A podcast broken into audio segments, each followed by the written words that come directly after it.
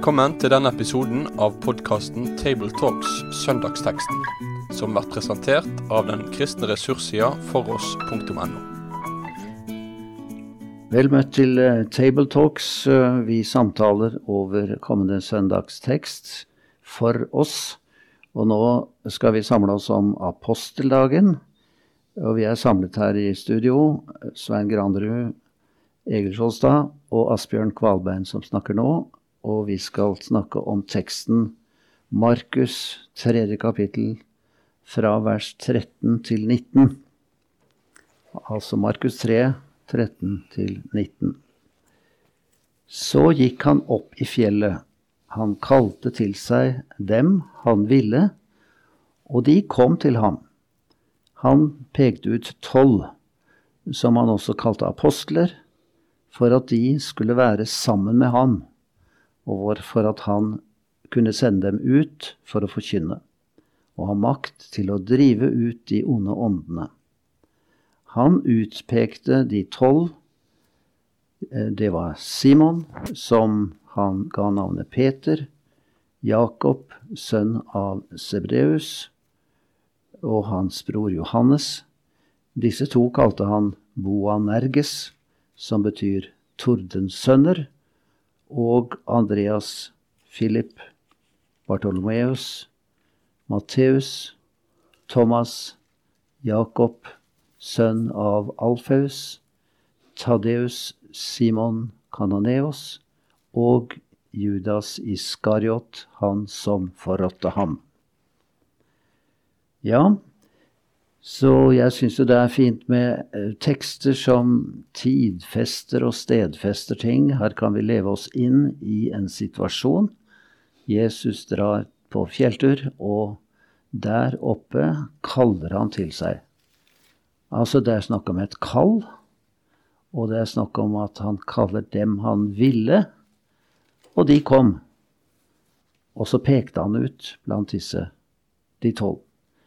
Så allerede her er det noe å snakke om det med å bli kalt til tjeneste eh, for Herren. Det er kanskje å bli med Jesus på en litt spesiell opplevelse. Enten vi nå reiser eller er eh, for oss selv eller i forsamlingen. Men det er liksom noe utenom det vanlige, og da kaller han. Det gjorde han historisk sett der, og det kan han komme til å gjøre også nå. Men det er han som kaller. Og det er han som vil, det er ikke opp til oss. Men det det er opp til oss, det er å komme til ham. Så, og da peker han ut de han kaller. Så det, den enkle sammenhengen der er en hel liten preken for meg, syns jeg. Men hva tenker dere andre på i møte med denne teksten? Jeg så i Lukasevangeliet at det er presisert at Jesus gikk opp i fjellet for å be. Så det som her skjedde da han skulle velge ut de tolv, det var en veldig sentral del av hans virksomhet. Og eh, det forutsatte at han var i nær kontakt med Faderen, i bønn, før han trer fram og gir dette kallet. Syns jeg var talende. Ja, og jeg tenker det er også noe å lære av i vår tid, hvor vi setter inn annonse i avisen og sier at vi trenger noen som kan gå inn i en jobb her i det kristelige arbeidet. Og så kan de melde seg, de som føler for det, og så får du en del søkere som overhodet ikke er aktuelle. Men eh, jeg har vært med på det av de store, gamle høvdingene, at vi har gått inn i virkelig alvorlig bønn om at Herren må lede oss og kalle mennesker, og at vi også får bli redskapet for Herren å kalle de som han har utsett til å gå inn i tjeneste. Da blir det et flott uh, grunnlag å gå inn i en tjeneste på, at du har fått et kall. Ja, det må vi tale mye om. Vi utfordres litt her til å kanskje legge oss på, på to nivåer. Eh, det er jo aposteldagen, og da er det vel primært de tolv apostlene som, som, er i fokus. Og jeg tenker at vi, vi, gjør rett i å si noe om det, disse tolv som fikk en særstilling. Eh, profetene fra den gamle pakt og apostel i den nye, det er liksom grunnlaget i vår bibel. Åpenbaringsbærere og mottakere sånn at de skulle være øyenvitner. Det ser vi jo når eh, Judas skal erstattes, så søker de et øyenvitne som kan eh, sammen med de andre være vitner om det som de så. Så de kommer jo i en særskilt stilling, disse tolv, da, For, eh, for de skal vitne om det de har sett og hørt. Slik at det kan danne liksom basis for Den kristne kirkes tro. Og det er jo skjedd ikke minst gjennom at vi har vårt Nytestamentet. Så det kan nok hende at vi skal bruke litt tid på å tale om eh, apostlene som de tolv, og deres grunnleggende funksjon, ikke minst for å bestyrke vår tillit til deres vitnesbyrd i Bibelen, at de har fått det fra, fra Jesus. Så det vil jeg nok tale litt om. Men så tenker jeg at det ligger alltid noe allment når Jesus kaller. Så vi må jo tale om det også, at det berører meg og oss som kaller og tjener i dag. Så Hvis jeg bare skulle antyde liksom en setning her som jeg tenker jeg ville prøvd å gjøre litt ut av, så er det vel at uh, han uh, kaller dem apostel for at de skal være sammen med ham, og for at han kan sende dem ut. Mm. Og Det er jo på en måte litt sånn kontradiktorisk eller motsetningsfullt. da, Å sende ut det betyr ikke å Det er jo det motsatte, det å rusle ut sånn med Jesus som de hadde gjort. Men uh, her hører det sammen, og det tenker jeg det gjør til enhver tid. og Det gjelder ikke bare de tolv, men det gjelder oss også hvis jeg skal bli sendt ut, dvs. Si hvis jeg skal tjene Jesus, så skal være sammen med han. Ikke sånn unntaksvis, altså til og fra-bildet, men eh, med Jesus hele veien. Det er kun da det er mulig å bli sendt. Ja, Det er jo viktig å tenke på at uh, de tolv står i en særstilling. Uh, og de representerer jo med tolvtallet en fortsettelse av Israels tolv stammer. Så de skal lage grunnlaget i et nytt gudsfolk. Eh, men så er det jo flere grupper. Det er en indre krets av de tolv. Du har Peter og Jakob Johannes, som fikk litt spesielle opplevelser. Arbeids, arbeidsutvalget, har jeg kalt det. Kanskje det, ja. Og så har du da en eh, større ytre krets, 70, som han sendte ut. Og han har sagt at disse skal sendes ut to og to. Eh, men det er veldig viktig å si, tror jeg, at apostler er med den betegnelsen en historisk eh, rolle som de tolv hadde. Uh, utnevnt av Jesus til å være kirkegrunnleggende, på en måte. Vi bygger på profetenes og apostlenes uh, grunnvoll. Og det er ikke de moderne profeter, det er de gammeltestamentlige profetene som man bygger på. Og så er det de tolv apostlene, som også er historiske personer Eh, så kan man diskutere Judas og den nye som kom inn, om Paulus kom på en måte som den tolvte. Det kan det diskuteres, men det grunnleggende er at de har en helt enestående posisjon, og vi lytter til apostlenes lære. Kalvin har en skjelning mellom to typer apostler. Og han taler om apostler av høyere rang. Det er de det dreier seg om når vi har aposteldagen. Da er det de som fikk en særlig fullmakt. Det er knytta til de tolv, da etter hvert minus Judas og pluss Matteus. Og Paulus, som da omtaler seg sjøl. Og Lukas, når han skriver om Paulus' kall, så det er tydelig at her er det en som har en annen fullmakt enn det å være en vanlig utsending. Så det, jeg tror det er viktig på aposteldagen å si noe om autoriteten til til apostlene, altså.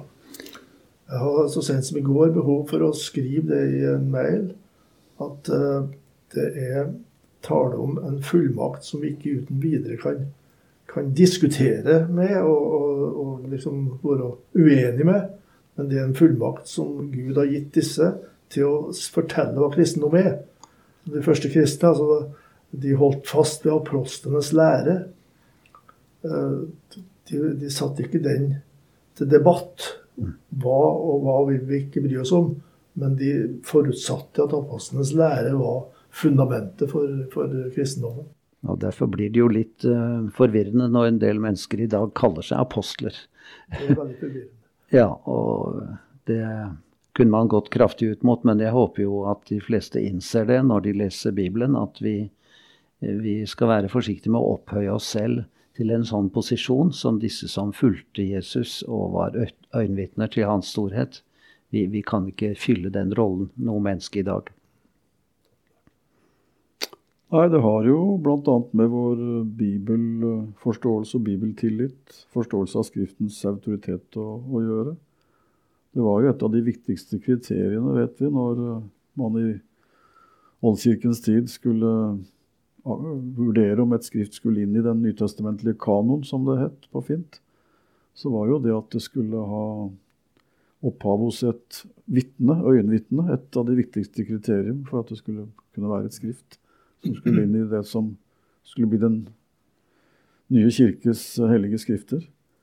Så det er litt uh, utfordrende når man av og til møter en skriftforståelse hvor Jesus kan settes opp mot apostlene hvis de ikke syns at og, Paulus og Jesus skulle være helt enige om en ting. Da tenker jeg at vi har en holdning til apostlenes autoritet og Jesu bemyndigelse av dem som blir krevende, og som gjør at vi får på en måte et herredom over Skriften som ikke vi har fått. Den som hører dere, hører meg, sier Jesus når han eh, sender apostlene ut.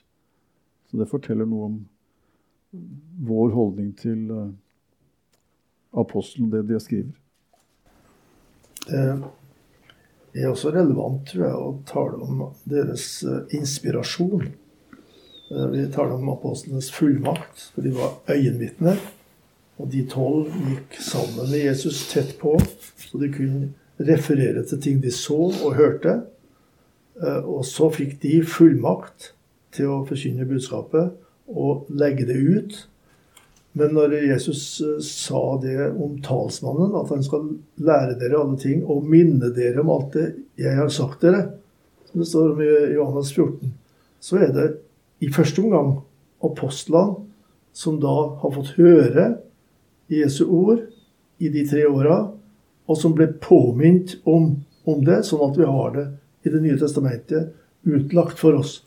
Og inspirasjonen den ligger i det at Den hellige ånd lærte dem og minte dem om alt det Jesus hadde sagt. Og som Paulus også sier om seg sjøl, at eh, vi taler visdom som ikke tilhører denne verden, eller denne verdens herre, den som går til grunne. Som en hemmelighet taler vi Guds visdom, den skjulte, som Gud fra evighet av har forutbestemt. For oss har Gud åpenbart det ved sin ånd. Så Det er noe apostolisk over dette her med Den hellige ånds inspirasjon, som er greit å nevne på aposteldagen, tenkte jeg. Ja, da har vi nevnt mye ved apostlenes særstilling. Og det kan vi nesten ikke si for mye om i en tid som er så relativ, og også i forhold til Skriften. Men så var du inne på, Svein, at her er det på en måte to nivåer. Det er jo det vi ser allment om når Jesus kaller og utpeker og sender ut som vi kan tenke rundt det å være i en kristen forkynnertjeneste, vitnetjeneste, i dag. Vi kan for det første ikke være i en sånn utsendt tjeneste uten å være en disippel. Vi er elev hele veien. Og de var jo disipler, de tolv til å begynne med. Og så ble de apostler eh, først etter en tid, eh, ved Jesu utnevnelse. Eh, men det å være disippel er jo å være i en livslang læretid. Jeg, jeg, kan ikke være utlært, og hvordan lærer jeg? Ved å lytte til de første apostlenes vitnesbyrd. Men er jeg så en mini-utsendt, kan en si, så betyr det jo at jeg er på vei ut i en verden som er fremmed, som er annerledes, som, eh, hvor jeg skal være lys og salt og være annerledes enn denne verden. Eh, jeg har ingen god innflytelse på verden hvis jeg ikke er annerledes. Og der kan vi snakke litt om det også, tror jeg. At uh, Jesus har plukket oss ut til å være hans vitner fordi vi skal være lys og salt i verden. Det viktigste å huske da, det må jo være det som vi også nevnte innledningsvis her i starten, at Jesus eh, han kaller dem til å følge, være nær med han, og samtidig sender han dem ut. Og for Jesus, det, det, er selvfølgelig en viss sånn historisk rekkefølge i det for apostlenes del, men, men vi har jo feiret pinse, og, og, Jesus taler om at han blir hos dem med Den hellige ånd. Så han blir hos dem for alltid. Sånn at både for de tolv apostlene, som er kirkens grunnlegen, og for alle som eh, senere sendes for å både grunnlegge menigheter og forkynne Guds ord, så gjelder det at de må være sammen med Jesus hele veien. De må kjennetegnes på det. Det var vel det de sa om apostlene, tror jeg. Sånn helt i starten. Hvor var det Peter ble av? Der ligger båten. Hvor er han hen? Han forsvant sammen med en Jesus. Det gikk bortover der. Ok. Det hadde blitt et brudd. Han var sammen med Jesus. Og det var starten på det nye livet. Og det tok ikke slutt på pinsedag eller på Kristi himmelfartsdag, det var der hele veien. Og Det tenker jeg det var det viktigste som kan sies om enhver kristen tjener, at jeg er sammen med Jesus. For det er bare det som gjør mitt vitnesbyrd troverdig. Hvis jeg har så mye å gjøre at jeg ikke er sammen med Jesus, da blir jeg fort en som kanskje gjør mye, men det blir lite i den kraften som han sender meg med. Det er interessant å se variasjon også mellom disse tolv disiplene. da. Det kommer noen sånne korte setninger innimellom her som karakteriserer eller sier noe om den som er nevnt, Simon, som han ga navnet Peter. Sier noe om det som skulle skje. da. Peter kom med sin Messias-bekjennelse og ble representanten for apostlene. Og eh, Johannes og Jakob ga han tilnavnet Boanerges.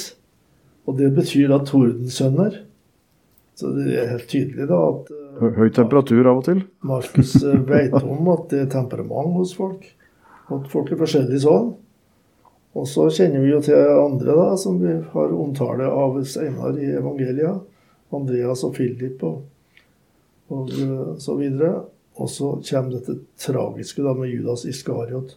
Han som forrådte ham. Så det blir liksom angitt allerede så tidlig i Markusevangeliet. Her er den personen som til slutt kom til å forråde Jesus. Det, ja, det er jo en tredjedel av teksten her å, å sette opp en navneliste. Så det er mulig å, å, lage prekener omkring både enkeltpersoner, som du sier, som bare har en liten historie i seg, bare ved det som antydes her. Men uh, en kan også legge til Jeg så en preken en gang hvor en hadde sagt at det er minst fem som heter Jakob i Det nye testamentet. Mm. Og det går an å preke om alle de fem og fortelle interessante sider ved hele den kristne åpenbaring gjennom slike små biografier. Mm. Uh, og det er dessuten, hvis du tar listene over uh, disse apostlene, så er det litt forskjellige navn. De kan ha ett navn i et evangelium og et annet. Og jeg skal ikke gå inn i detaljer her, men det kan dere f.eks. se i, i Bibelen Ressurs. Der er satt opp en fin uh, Eh, skal vi si, liste, en tabell, over de forskjellige navnene som er brukt. Så det bare sier også at vi har med vitner, øyenvitner å gjøre, som har skrevet evangeliene. Og de har tatt med seg forskjellige navn på de samme personene eh, for å bevise at de var levende og ble kalt forskjellige ting i kanskje forskjellige miljøer. Eh, men Det er altså ingen hovedsak her, men det er mulig å fargelegge litt med å nevne slike ting. Det så til og med i avisa Dag og Tid, eller i ukeavisa Dag og Tid, en uh, quiz. Og Der var det snakk om hvilket navn hadde han som senere ble kalt Kefas uh, fra begynnelsen. Så Da har altså han som har laga den quizen, sett så mye i Bibelen at han visste at Kefas, det var det hebraiske eller arameiske navnet på Peter, som det greske. Og Simon var utgangspunktet. Så han som var Simon, ganske ordinær fisker, han ble klippen Peter, eller på arameisk Kefas. Så det, det, er ikke dumt å spille litt på disse navnene. Det er naturlig å trekke det fram. Du nevnte Egil dette med Tordensønnene. Eh, det har jo vært vanlig å, å, tolke det som at de kanskje hadde atskillig temperament. Eh, nå ser man kanskje ikke så veldig mye spor av det. Jeg husker professor eh, Ivar Seierstad en gang sa at nei, det er ikke temperament det går på, det er at de er talsmenn for den sterke røsten som Gud representerer. Det mente han å legge fram. Jeg har ikke gått i dybden på det der, men det, det, er sikkert mye å hente fram for de som vil studere navner. Ja, men Johannes ble jo kalt kjærlighetens apostel. Ja, det var ikke mye torden i det. Han gjorde nummer av det at han var i sin natur tordensønn, men han ble kjærlighetens apostel ved den helliggjørelsens kraft som ånden virka i hans liv. da. Ja, kanskje det er sant, det òg. ja. Det er klart det har vært mye kreativitet ute og går i forkynnelsen opp gjennom årene. og mm. Man tar et halmstrå der og et der, og så kan man få til mye. Det trenger ikke å bli så galt. Men, men vi skal kanskje være litt forsiktige med å, å være altfor alt for skråsikre. Men det, det er tankevekkende likevel. Det som uansett står fast, er jo at Jesus starter med det som Paulus bekrefter i første Korinterbrev, tenker jeg. At han utvelger det som lite er. For selv i datidens samtid, som ikke hadde headhunter-firmaer og uh, karrierestiger på samme måte som vi har, så er det klart at det var et standssamfunn med ulike sjikt og, og, og, nivåer. Og den flokken som Jesus eh, vandret rundt med, var nok ikke sånn at den påkalte en sånn beundring i starten, ut fra deres posisjon og, og synlige evner og sånn. Så i den grad det er viktig, og det kan det være av og til, så kan vi si at Jesus også startet med å vise at det er han som gjør dem til det de skal være. Det er ikke, det er ikke dokumenterte kvaliteter og godt leste CV-er som ligger til grunn her. Er det en, en, som velger dem ut. Og så er det det at de er sammen med han, som gjør dem til det de skal være. Og det, det er det veldig frigjørende og samtidig veldig viktig å forkynne. For også i dag så har vi en tilbøyelighet til å la ulike former for kriterier bety noe som kanskje ikke er så viktig som det grunnleggende at vi forplikter oss til å være sammen med Jesus. Det er da vi blir utsendt. Og det har sammenheng også med den ydmykhet vi viser. Jeg har notert meg en romersk feltherre som rapporterte en seier på følgende måte.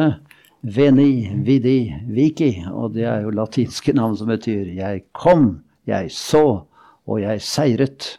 Og slik liker vi å tenke at jeg skal ende opp som den store seierherren. Men det motsatte skjer egentlig for den som blir en disippel og tjener av Jesus. Vi kommer og ser, og vi blir beseiret. For det er jo det som skjer. Det er eh, Jesus som kalte til seg dem han ville, og det var han som pekte ut og utrustet dem til tjeneste og fulgte dem alle dager. Så det å bli overvunnet av Jesus, det er eh, kilden til å være velsignet i denne verden, tror jeg. Jeg har tenkt på det at det er sikkert noen av våre tilhørere som vil kanskje spørre om, om uh, hva det lå i det at de var sendt ut for å forkynne med makt til å helbrede og drive ut onde ånder. Og at uh, dette ser vi lite av i dag i mange miljøer, men at det var sentralt den gangen. Disse tegn skal følge dem som tror. Så jeg har ikke lys over alt dette her, men det er et vers av Paulus i andre kor Det er der han kommer inn på det der problematikken. En apostels tegn ble iallfall gjort blant dere med all utholdenhet. Tegn, under og kraftige gjerninger. Så det ser ut til at uh, de som ble kalt apostler, på en særlig måte var utrusta til å gjøre tegn og under. Sjøl om det også kan følge dem som tror, og vil følge dem som tror generelt, og er et løfte til oss om at vi skal be og vi kan regne med at Gud gjør under, så var det noe som lå i apostelfunksjon, da. Som var på en særegen måte den gangen eh, at de kunne gjøre undergjerninger, som vi ser mange av i apostelens gjerninger også. Og Det er nok også viktig å si i vår tid, for det er noen som uh, legger vekt på det at vi er blitt ett med Kristus når vi tror på ham. At vi skal gjøre de samme gjerninger som han, og dermed når han drev ut onde ånder, da han reiste opp døde mennesker, så skal vi få fullmakt til å gjøre det samme, for vi er blitt like ham. Men det blir jo veldig feil, for det er en forskjell på Jesus og oss. Og vi skal bare være tjenere. Og jeg tror det er riktig som du sier, at eh, det er tegn som skal følge de første tolv apostlene i en kirkegrunnleggende tid, og gjøre slike ting.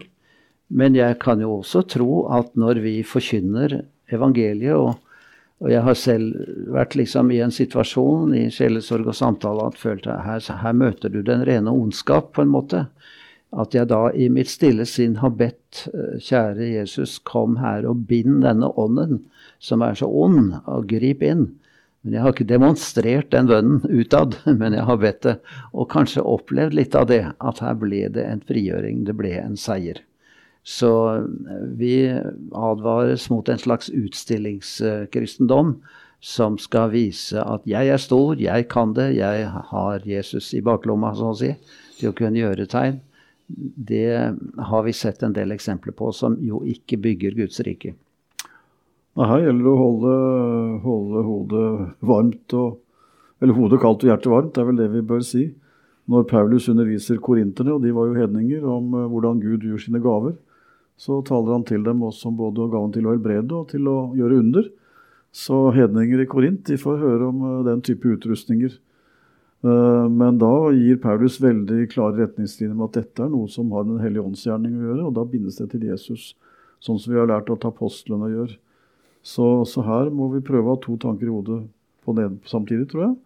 At vi ser at dette er utrustning som Gud gir til sin kirke, og som også Paulus taler om til hedningene. Og samtidig så, så, er det så tydelig både hos Jesus og Paulus at dette forutsetter et uh, samliv med Jesus som gjør at det er han som gjør det gjennom oss. For vi har sett nok av triste eksempler på at dette ble en type markeringshandlinger som mer skulle bevitne storheten til mennesker enn storheten til han som de tjente. Så her er det mye veiledning som vi må ta inn over oss, og dette blir sunt. Ja, det tror vi skal rulle av der og si at her er det veldig mange fine ansatser i denne korte teksten. Eh, men det er jo å tenke på nærheten til Jesus og hans eh, kraft til å virke og sende oss ut, og at vi får være små tjenere for ham i vår tid. Det er viktig, og å bygge på apostlenes, profetenes grunnvoll i all vår tenkning. Så lykke til, dere som skal forkynne denne søndagen. Takk for nå. Med det sier vi takk for følget for denne gang. Finn flere ressurser, og vær gjerne med å støtte oss på foross.no.